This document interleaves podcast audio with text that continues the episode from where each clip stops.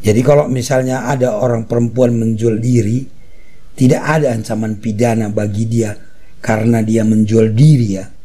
Karena dia menjadi PSK itu tidak ada ancaman pidana baik di KUHP maupun di undang-undang lainnya.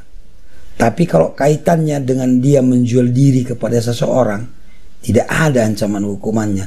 Kita sudah ribut di sini semua, ya kan? Bagaimana kalau nanti uh, yang bersangkutan dipulangkan. Ya, dia sudah dibahas di mana-mana, kan kasihan. Assalamualaikum warahmatullahi wabarakatuh. Teman-teman, saya ingin mengajak eh, teman-teman uh, kembali berpikir logika berdasarkan fakta, ya bukan berdasarkan opini, bukan mengira-ngira, karena akan bisa menimbulkan fitnah, rekan-rekan.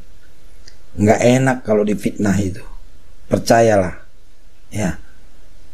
Saya sih mengartikan di fitnah itu sederhana saja. Kita tidak melakukan, tapi orang membicarakannya seolah-olah kita melakukan dan lebih-lebihkan. Bayangkan saja kalau yang dituduh itu negatif kan menderita lahir batin teman-teman. Jadi ayolah kita untuk uh, merespon sesuatu itu dengan logika kita dan berdasarkan fakta. Jangan berdasarkan opini atau berdasarkan perasaan. Ini kaitan dengan penangkapan atau pengamanan lah ya apa pun bahasanya yang di media itu artis FTV ya yang katanya ditangkap diduga prostitusi di Medan. Saya sudah buat videonya tapi saya ingin lebih mempertegas lagi teman-teman ya. Nah sekarang kita baca lagi nih beritanya di Detik Hot. Judulnya Seleb Hana Hanifah Proses pulang ke Jakarta usai ditangkap dugaan prostitusi di Medan. Nah, judulnya ini maksudnya apa ya kan? Dan disebutkan pula namanya dengan jelas kan ya. Proses pulang. Proses pulang itu maksudnya seperti apa? Nah, tapi kita coba aja baca dulu beritanya, teman-teman. Jakarta, Hana Hanifah aktif kembali di Instagram. Ia terlihat mengiklankan sebuah produk lewat video pendek Lalu Hana Hanifah menuliskan status yang ditulis oleh pihak manajemennya. Di situ ia mengaku dalam kondisi baik usai ditangkap polisi terkait dugaan prostitusi. Dear teman-teman dan pihak-pihak yang menanyakan kabar Hana, Alhamdulillah Hana baik-baik saja tulisnya. Hana Hanifah mengaku sedang proses pulang ke Jakarta usai bermalam di Polrestabes Medan. Ia sekaligus memohon doa kepada semuanya. Dan sedang proses pemulangan ke Jakarta, insya Allah. Mohon doanya dan dukungannya bagi semua rekan-rekan ya, ujarnya.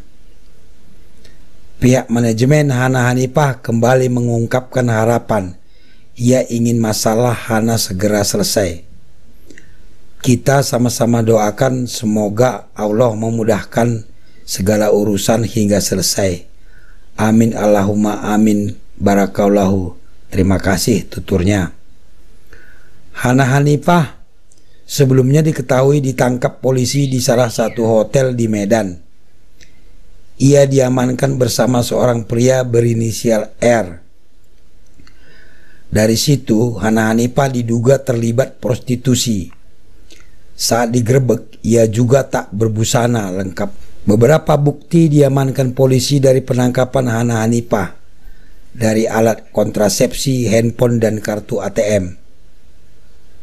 Hana Hanifah dituding menerima bayaran puluhan juta terkait dugaan kasus prostitusi. Tapi untuk saat ini statusnya masih saksi. Pihak kepolisian Polrestabes Medan tengah mengejar mucikari mengenai dugaan kasus prostitusi yang menyeret Hana Hanifah.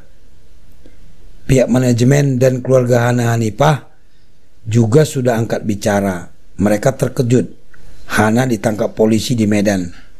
Padahal sebelumnya Hana Hanifah masih syuting untuk channel YouTube di Jakarta. Hana mengaku kepada manajemen dan keluarga ke Medan untuk pemotretan, tapi tak menjelaskan lebih detail terkait waktu dan lokasi. Ini dia beritanya di uh, Detik Hot. Nah, jadi saya ingin komentar ini berita-berita seperti ini teman-teman. Bahasanya ya harus lebih berhati-hati. Kalau ada bahasa ditangkap, ditangkap polisi ya, berarti sudah masuk proses penyidikan. Ya. Ada upaya paksa di sana. Kalau kita bicara penangkapan, itu ada upaya paksa, ya. Artinya sudah ada perkara yang ditangani, sudah ada masuk penyidikan dia. Jadi ditangkaplah orang-orang yang diduga sebagai pelaku. Tentunya sudah ada laporan polisinya, sudah memeriksa saksi-saksi pendukung, ya, sehingga dilakukan penangkapan. Karena penangkapan itu kan upaya paksa, sudah harus ada minimal alat bukti yang cukup untuk dilakukan penangkapan. Ya rekan-rekan, kecuali tertangkap tangan. Nah, kalau kita tertangkap tangan tidak perlu ada surat perintah dan lain sebagainya karena kejadiannya itu sedang berlangsung atau sesaat setelah terjadi. Itu namanya tertangkap tangan boleh. Berarti kalau tertangkap tangan, rekan-rekan, berarti sudah melakukan tindak pidana, makanya ditangkap. Artinya, kalau dia bahasanya ditangkap, udah pasti dia melakukan tindak pidana. Kalau dia berdasarkan hasil penyidikan, ada surat perintah penangkapan, sudah ada perkara terlebih dahulu. Kalau dia tertangkap tangan, tidak perlu surat perintah, tapi kan sudah terjadi tidak pidana. Berarti penangkapan itu terhadap tersangka ya itu dia di sini kan disebutkan ditangkap polisi atau penangkapan lalu disebutkan lagi di sini nih Hana Hanifah dituding menerima bayaran puluhan juta terkait dugaan kasus prostitusi tapi untuk saat ini statusnya masih sebagai saksi katanya. Kalau saksi kan bukan ditangkap ya kan? Dipanggil atau diajak misalnya kan dibujuk ke kantor boleh-boleh saja. Tidak ada paksaan dia. Kalau ditangkap berarti kan udah dipaksa dia, pengekangan, ya kan? Satu kali 24 jam kan penangkapan itu. Nah jadi harusnya media-media pun seperti ini kan menjelaskannya itu eh, sambil memberikan edukasi kepada masyarakat. Ya, ini katanya masih saksi tapi ditangkap. Ya sebenarnya bagaimana? Kemarin kita sudah lihat ada berita juga yang mengatakan bahwa Pak Kapolres Tabes bukan mengatakan ditangkap, diamankan karena ada diduga uh, tindak pidana prostitusi. Ya, jadi uh, ini yang perlu kita pahami bahwa kita menerima informasi itu jangan ditelan bulat-bulat, ya kan, teman-teman ya, disaring dulu, uh, dicari faktanya benar atau tidak. Ya seperti inilah. Berita seperti ini kan mungkin bukan hanya di detik hot ini aja mungkin ada beberapa media yang membuat judulnya yang ngeri-ngeri ya kan. Padahal seperti saya buat video sebelumnya ya rekan-rekan bahwa eh, mengenai pelacuran atau PSK ya kan PSK ini tidak ada ancaman pidana terhadap PSK ya jadi kalau misalnya ada orang perempuan menjual diri, tidak ada ancaman pidana bagi dia karena dia menjual diri ya. Karena dia menjadi PSK itu tidak ada ancaman pidana baik di KUHP maupun di undang-undang lainnya. Begitu juga terhadap pengguna jasa PSK ini. Tidak ada juga ancaman pidana bagi uh, mereka ini. Yang ada adalah ancaman pidana bagi mucikari bagi germo atau bagi yang menyediakan tempat untuk itu gitu. itu kena dia yaitu di pasal 296 KUHP ya dan pasal 506 yang sudah kita bahas sebelumnya Anda bisa lihat video saya sebelumnya tentang ini. Yang diancam pidana itu adalah mucikarinya atau yang memberikan fasilitas. Tapi PSK-nya dan penggunanya itu tidak ada ancaman pidananya. Kita belum tahu nih ya ke mana arahnya nanti hasil penyidikan polisi. Kita tunggu saja gitu kita tunggu saja. Jangan kita bersuujon jangan kita mengira-ngira. Akhirnya kan jadi fitnah. Kita belum tahu hasil pemeriksaan polisi pasal apa yang dikenakan kepada orang-orang ini? Ya kan? Kepada artis ini pasal apa yang dikenakan kita belum tahu. Tapi kalau menyangkut pasal pelacuran tidak ada ancaman pidananya saya bilang. Kecuali dia mengenai pornografi misalnya nanti ya atau uh, membuat konten yang berbau asusila itu bisa dia kena. Kalau membuat konten berbau asusila dia bisa kena pasal 27 ayat 1 undang-undang ITE atau kalau dia merekam-rekam misalnya bisalah kena undang pornografi dia tapi kalau kaitannya dengan dia menjual diri kepada seseorang tidak ada ancaman hukumannya kita sudah ribut di sini semua, ya kan? Bagaimana kalau nanti uh, yang bersangkutan dipulangkan? Ya, dia sudah dibahas di mana-mana, kan kasihan. Cobalah kita eh, teman-teman ya, kita saring dulu, jangan langsung ditelan bulat-bulat.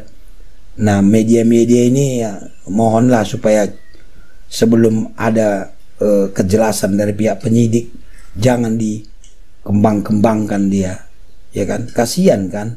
Bagaimana kalau misalnya nanti seperti saya ulangi lagi saya ulangi lagi ya bagaimana misalnya kalau nanti dia benar-benar dipulangkan?